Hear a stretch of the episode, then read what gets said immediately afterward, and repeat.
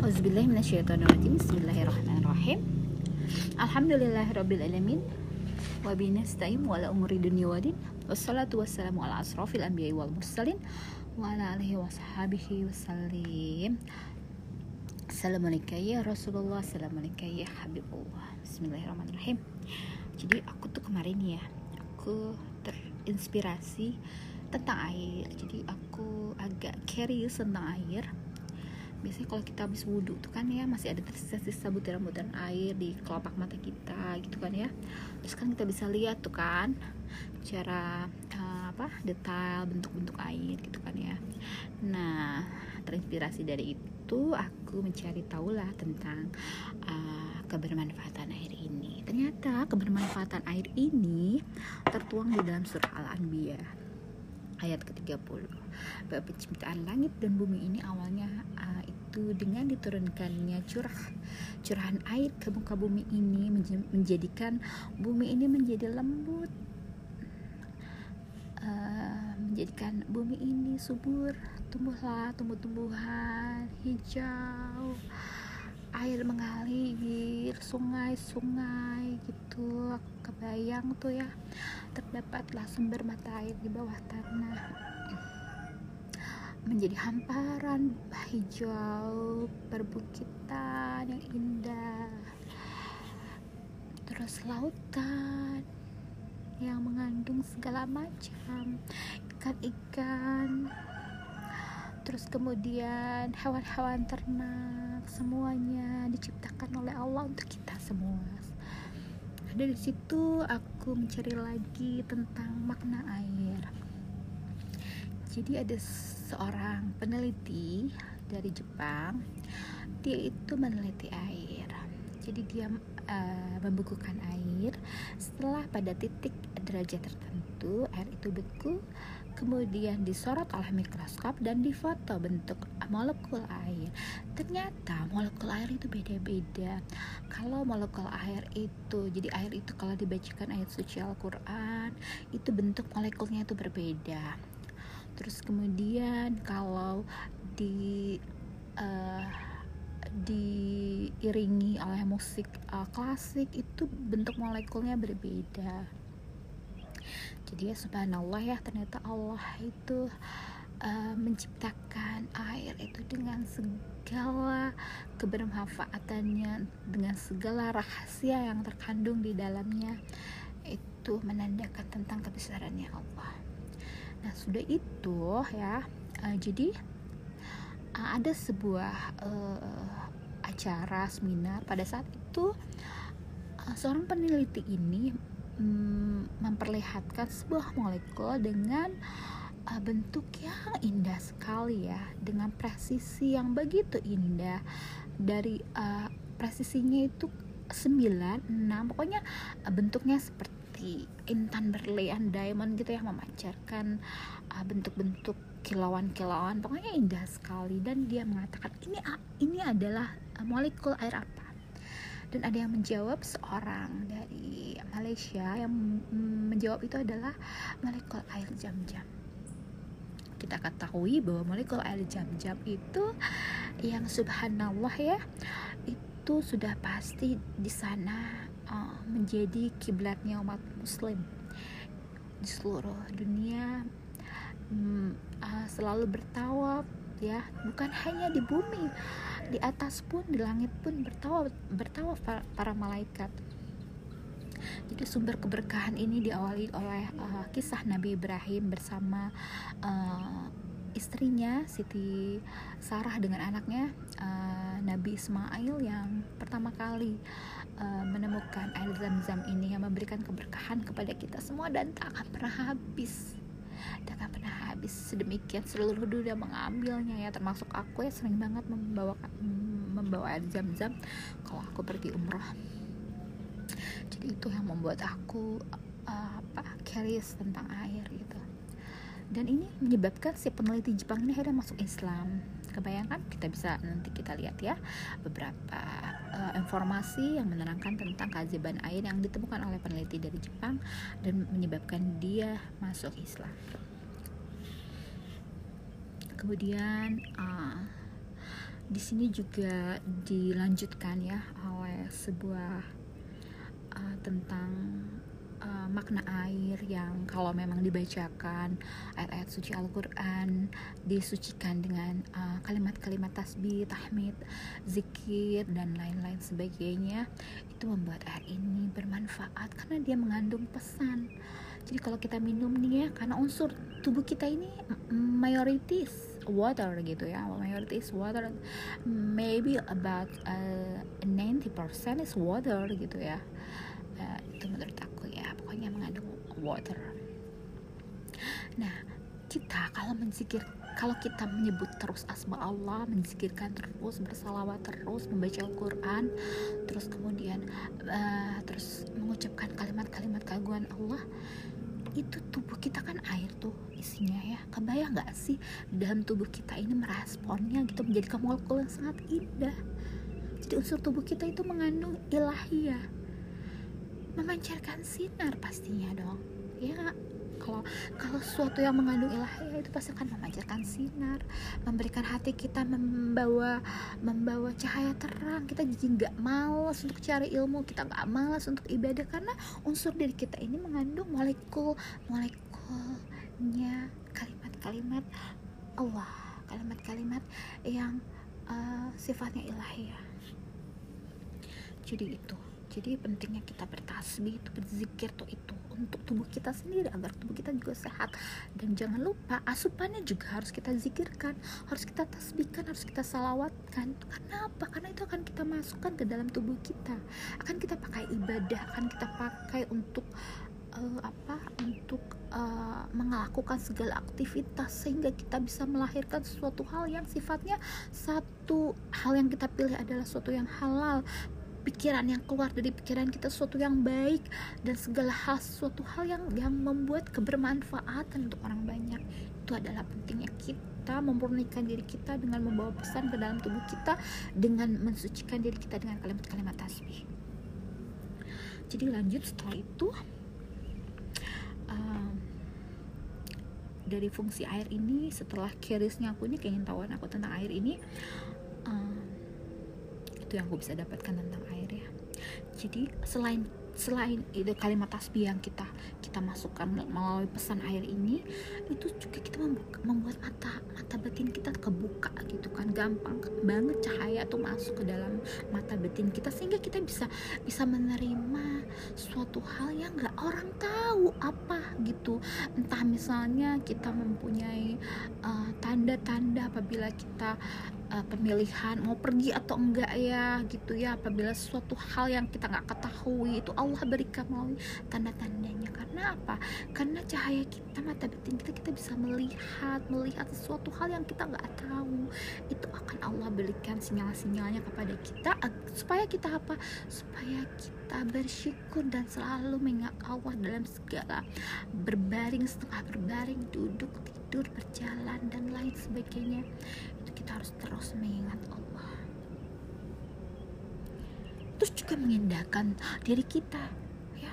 Jadi kalau orang yang banyak bertasbih itu berzikir tuh ya membaca kalimat Allah entah mengaji itu membaca ayat-ayat Quran itu akan mengindahkan kita dan kita akan menjadi indah. Karena unsur-unsur molekul dalam tubuh kita ini semuanya indah.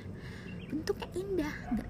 Uh, seperti halnya air zam-zam yang sudah benar-benar mengandung uh, unsur-unsur yang masya Allah itu adalah salah satunya adalah dari fungsi kita berzikir mengingat Allah. Melalui tubuh kita unsurnya adalah air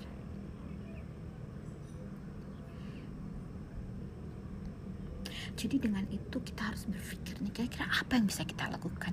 Entah kita mengumpulkan anak yatim entah kita mengumpulkan duafa kita kasih makan kita kasih ilmu. Pokoknya semua sifat yang kita keluarkan itu harus benar-benar uh, apa untuk bermanfaat untuk banyak orang? Gak banyak kok. Kita mungkin mengasuh anak yatim itu di sekitar kita sekitar lima orang 10 orang 15 orang. Kita kasih entah itu setiap minggu entah itu setiap bulan entah itu setiap hari terserah sesuai dengan kemampuan kita. Atau kita bisa juga melakukan maulid nabi setiap minggu mungkin setiap bulan. Kita mengundang para santri untuk membacakan maulid. Kita ikutan membaca maulid. Serasa bersyukur kita kepada Nabi Muhammad. Itu adalah suatu pekerjaan-pekerjaan yang yang kita harus mulai dari mulai dari minuman kita mulai dari makanan kita yang kita selalu zikirkan sehingga kita melahirkan suatu ide-ide yang yang subhanallah untuk kebermanfaatan untuk banyak orang. Ya itu juga untuk mendapatkan ilmu yang bermanfaat untuk dia rezeki yang toib atau rezeki yang baik itu semua adalah harus dimulai dari asupan yang kita terus kemudian dari diri kita yang kita basahi terus lidah kita dengan berzikir jadi ya ternyata ya aku kemarin nanya nih sama guru aku guru-guru guru aku yang biasa hari Kamis tuh tiap tiap sorry setiap hari Selasa pagi tuh bisa memberikan ceramah-ceramah gitu kan ya. Dan aku tanya pada guruku ini guru ya karena masa pandemi ini kita nggak bisa ya uh, tatap muka gitu kan. Biasanya kita setiap Selasa uh, pagi gitu dari jam 10 sampai jam 12 tuh kita ngaji di rumah uh, sahabat aku. Itu aku bertanya Pak Ustadz kalau kita uh, apa berzikir karena kita kebiasaan berzikir nih Pak Ustadz. Itu kalau di kamar mandi di dalam hati kita itu tetap mengingat Allah tetap mengucap kata-kata zikir itu gimana Pak Ustadz? Kata dia nggak apa-apa kalau di hati itu nggak apa-apa. Yang penting nggak boleh diucapkan. Terus aku tanya juga kalau kita haid kita haid gitu ya lagi wanita itu kan suka halangan ya halangan tidak bisa melakukan aktivitas ibadah terus kita tuh dalam hati itu kita menghafal Quran ataupun kita berzikir ataupun kita membaca itu nggak apa-apa katanya berarti yang penting adalah tidak diucapkan. Tapi kadang-kadang aku uh, nggak uh, merasa ya aku membaca hal-hal sifatnya zikir aja. Jadi kalau ayat-ayat Al-Quran sebaiknya aku aku hentikan dulu ya.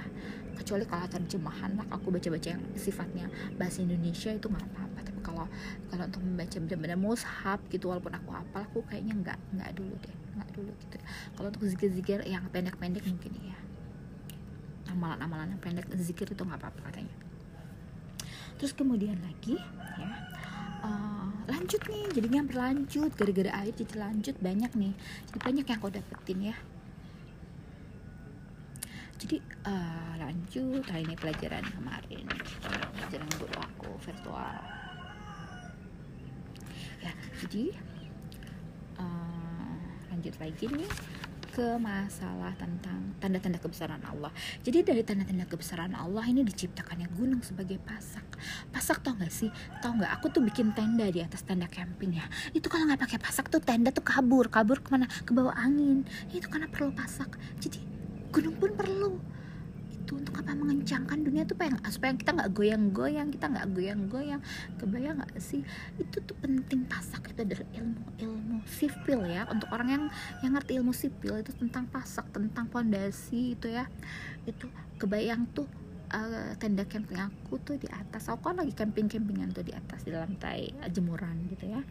Itu kalau nggak pakai pasak ya itu terpaksa lah. Karena di atas itu pasaknya itu aku ikat-ikat ke ke benda yang ada di situ supaya nggak terbang gitu. Tapi kalau aku camping di tanah itu pasti groundnya itu pasaknya itu aku tancap ke ke tanah. Itulah pentingnya. Coba Allah menciptakan uh, memberikan kita itu sedemikian uh, apa secara uh, apa tersusun dengan begitu indahnya begitu subhanallah pokoknya ya. Ya diciptakan gunung-gunung sebagai pasak pasak bumi yang menancap ke dalam dasar lautan yang yang terlihat tuh cuma seperempat coba. Masya Allah kan?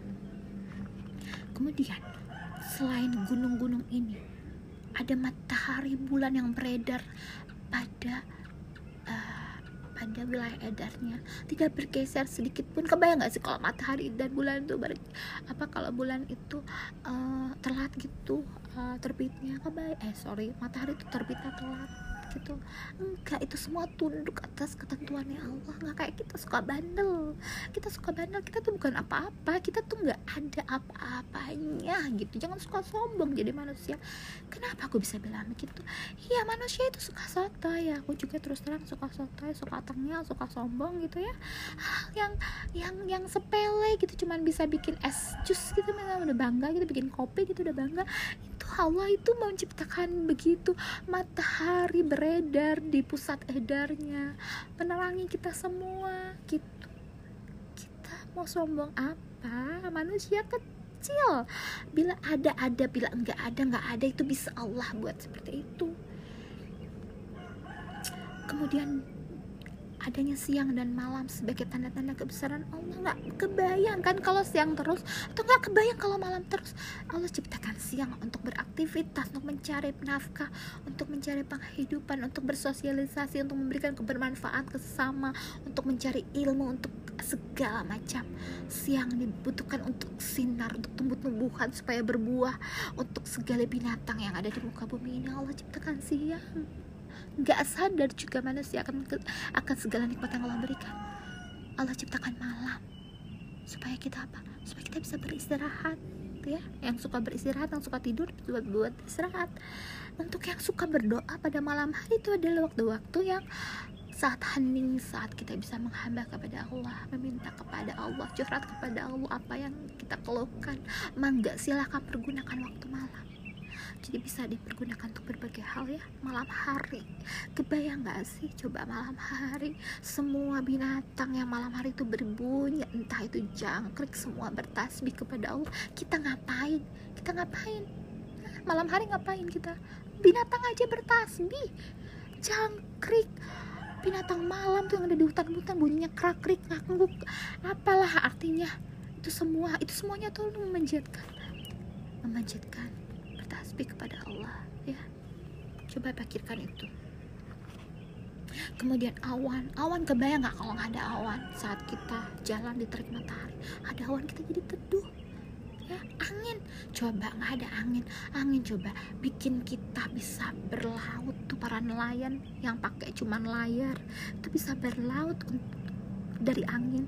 Buat kita jadi angin sepoi-sepoi. Kebayang nggak sih kalau kita panas upacara tuh tiap hari Senin dulu ya sekolah upacara hari Senin. Itu kebayang kalau nggak ada angin coba panas. Coba ada angin sepoi-sepoi enak kan ya? Insya Allah Subhanallah. Ya angin banyak fungsinya. Salah satunya ada angin. Angin itu bisa mendatangkan rahmat tapi juga bisa mendatangkan sebuah bencana. Makanya kita kalau kalau ada angin ya kita tuh harus banyak-banyak berdoa harus banyak-banyak bertasbih. Dulu tuh aku diajarin kalau ada angin kenceng dok kita tuh harus azan. Azan kenapa kita nggak mau itu jadi bencana buat kita ya. Jadi angin sahabat angin baik-baik aja. Kemudian Allah berikan jalan-jalan di muka bumi ini. Maksud yang di sini jalan-jalannya. Jalan-jalan yang lebar luas gitu yang dibikinkan. pastinya untuk supaya apa? Kita menyambung tali silaturahmi antar setiap manusia untuk menghubungkan manusia satu dengan yang lainnya. Manusia yang berada di negara mana? Di negara ini yang dipisahkan oleh gunung-gunung yang menjadi dinding-dinding pemisah antara satu negara dengan negara yang lain coba segitunya Allah membuat kita sebuah jalan. Buat kita bersosialisasi buat kita berdagang buat kita saling memberikan manfaat coba.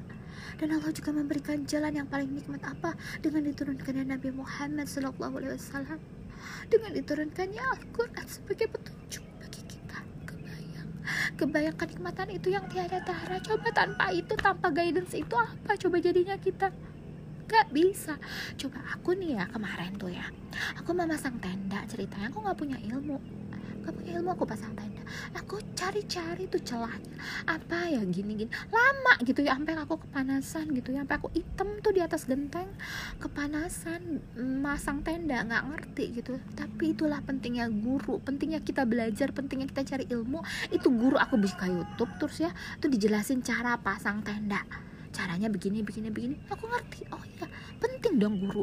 Itulah makanya Allah turunkan Nabi Muhammad sebagai suri tauladan kita sebagai guru terbaik. Kita mengajarkan kita segala macam dari A sampai Z. Itu itu Nabi Muhammad ajarkan. Melalui sebuah buku petunjuk sebagai sebagai uh, apa yang apa yang Nabi lakukan apa yang Nabi katakan semua tercurah dalam Al-Quran.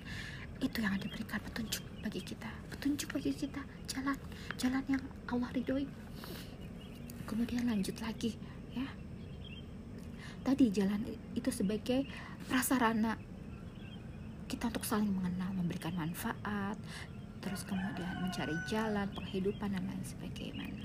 Tidakkah semua ini membuat kita berpikir ya coba pikir tidakkah membuat ini semua kita berpikir Hah, jangan dipikirin yang jangan jangan jangan yang nggak yang yang buat perut doang buat nikmatnya hidup di dunia doang ya. Udah beres punya mobil pengen punya helikopter beres punya helikopter pengen punya pesawat jet. Itu yang dipikirin manusia. Jangan jangan itu. Itu nggak dibu dibawa. Itu semua sampah bangkai. Ditinggalin. Nah, kalau nggak dipakai jadi karatan bangkai coba kalau amalan ih kalau ditinggalkan ya. Ditinggalkan buat anak cucu kita. Kebayang itu bermanfaatnya selama lamanya ya. Kalau kalau helikopter pesawat jet itu bentaran juga jadi bangkai jadi sampah. Hal itu semua sampah sampah sampah sampah gak bermakna karena apa? Iyalah nggak nggak manfaat untuk orang banyak. Ya kecuali kalau helikopternya dipakai buat bantuan manusia gitu ya. Membawakan amal bantuan yang sedang timpa longsor banjir gitu ya. Dipergunakan itu bagus. Tapi kalau cuma buat pergi ke Bali pergi ke tempat-tempat tempat-tempat rekreasi ya buat apa? Buat menyenangkan diri sendiri. Hah? Buat menyenangkan diri sendiri? Hah? Senang di dunia doang? Ih rugi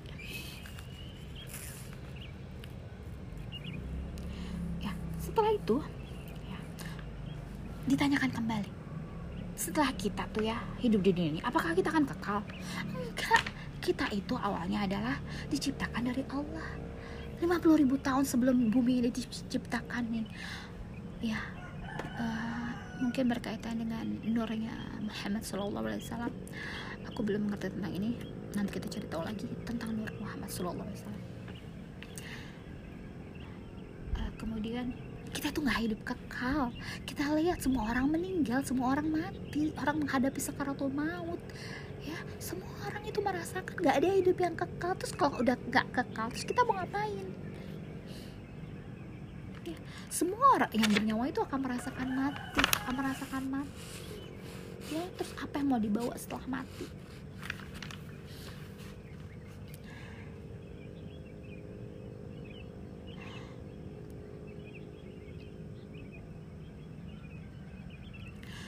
ya jadi di antara nih umat-umatnya umat-umatnya Nabi ini yang paling umurnya pendek tuh umurnya umat Nabi Muhammad.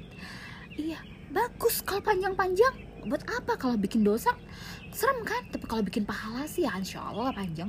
Berkah ya. Mudah-mudahan kita diberikan umur panjang untuk pitoatilah Allah kepada Allah subhanahu wa ta'ala ya kita setiap yang bernyawa itu pasti akan mati.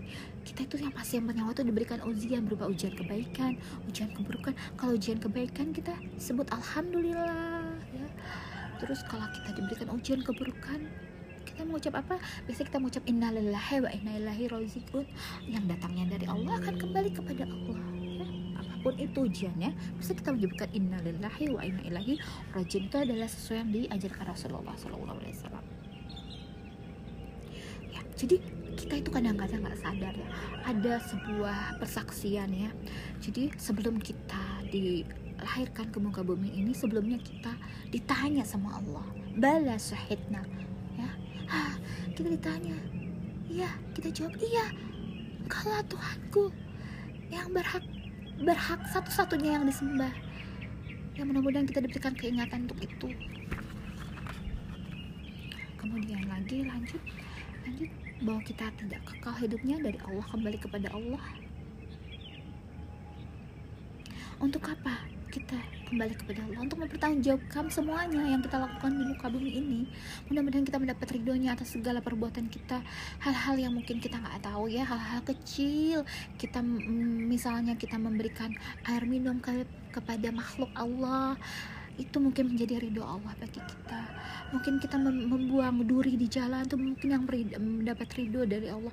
Mungkin kita hanya memberikan uh, apa pertolongan kepada orang yang misalnya uangnya jatuh atau uh, misalnya uh, kucing yang yang uh, teriak-teriak gitu karena dia tenggelam di air gitu ya di musola di musola tempat berwudu gitu teriak-teriak. Itu mungkin yang membuat Allah ridho karena kita sayang kepada makhluknya Allah.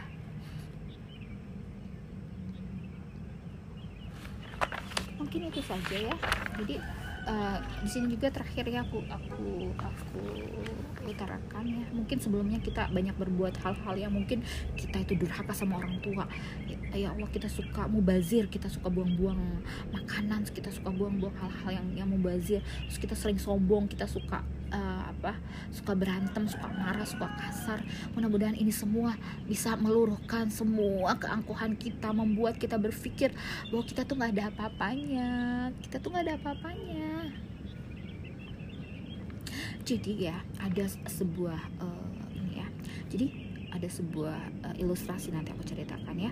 Di sini uh, bentuk-bentuk zikir itu adalah satu ya. Aku dapetin bentuk-bentuk zikir ini dari Ustadz Hadi Adi Hidayat bahwa bentuk-bentuk zikir adalah sholat, terus kemudian ada ada ada tasbih, tahlil, uh, solawat, istighfar, baca Quran, doa ya. Tapi yang kalau dari Ustadz Hadi Hidayat itu cuman sholat, uh, kemudian tasbih, uh, istighfar, baca Quran, doa.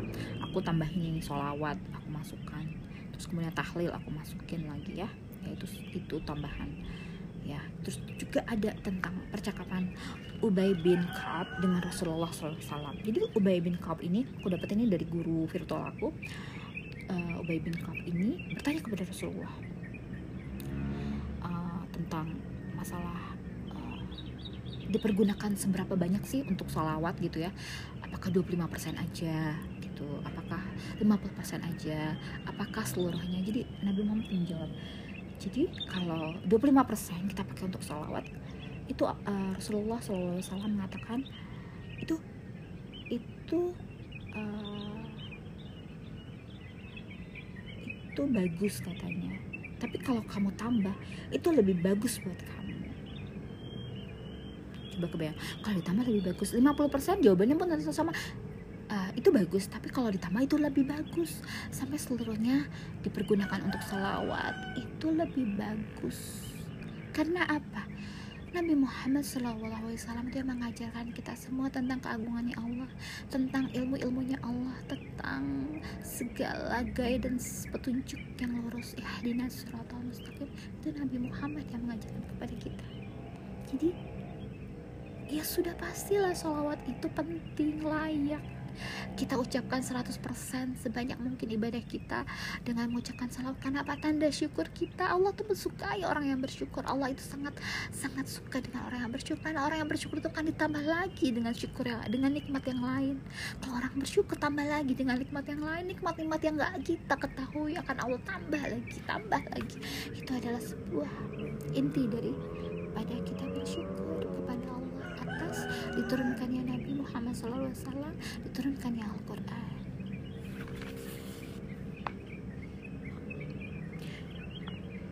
Ya kalau kalau uh, uh, tasbih itu subhanallah uh, tahmid itu alhamdulillah takbir itu Allahu Akbar biasanya kalau kita bersyukur kita sebut alhamdulillah. Kita kalau bertasbih itu ah, subhanallah melihat sesuatu yang mengagumkan mencengangkan kita bilang ah, subhanallah. Kita bisa uh, kalau takbir itu Allah Akbar bisa dipakai untuk acara-acara hari raya. Karena apa? Kita telah memenangkan hari raya merubah diri kita lebih baik ibadahnya kita bertakbir Allah Akbar Allah. Salah itu azannya. Kalau takbir itu Allahu Akbar Allahu Akbar Allahu Akbar.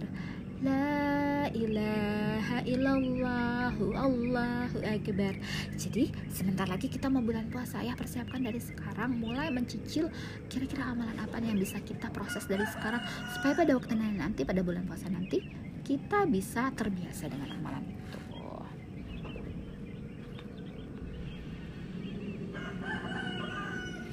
Ya mungkin itu saja ya kalau diteruskan panjang. Saudara-saudari masih panjang. Tapi sepertinya itu aja dulu. Nanti kita lanjutkan. Semoga ini bermanfaat bagi sahabat podcast. Di sini menjelang pukul uh, eh, 6 ya jam 5 lebih 38 menit. Semoga kita semua mendapatkan keberkahan di hari ini. Ayo semangat. Yang belum bangun-bangun yang belum punya ide cari ide bagaimana kita menyusun hidup kita biar kita itu tambah bersyukur ya bersyukur itu banyak macamnya. Kita dengan kita berolahraga dengan kita berbakti kepada orang tua dan kita menyayangi sesama dengan menyayangi makhluk Allah dengan kita uh, berhemat atas pengeluaran kita tidak membuang-buang air dalam berwudu dalam kehidupan kita. Semuanya itu adalah tanda syukur. Semoga bermanfaat sahabat podcast yang dirahmati oleh Allah. Semua yang baik datangnya dari Allah segala kesalahan hilap datang dari saya mohon dimaafkan. Assalamualaikum warahmatullahi wabarakatuh Assalamualaikum warahmatullahi wabarakatuh. Mohon maaf ada kesalahan bahwa ibunya Nabi Ismail adalah Siti Hajar. Kalau Siti Sarah beda lagi. Mohon maaf kalau Siti Sarah istri pertamanya Nabi Ibrahim. Ya, ibunya Nabi Ishak dan kalau Siti Hajar adalah ibunya Nabi Ismail. Mohon maaf atas kesalahan. Assalamualaikum warahmatullahi wabarakatuh.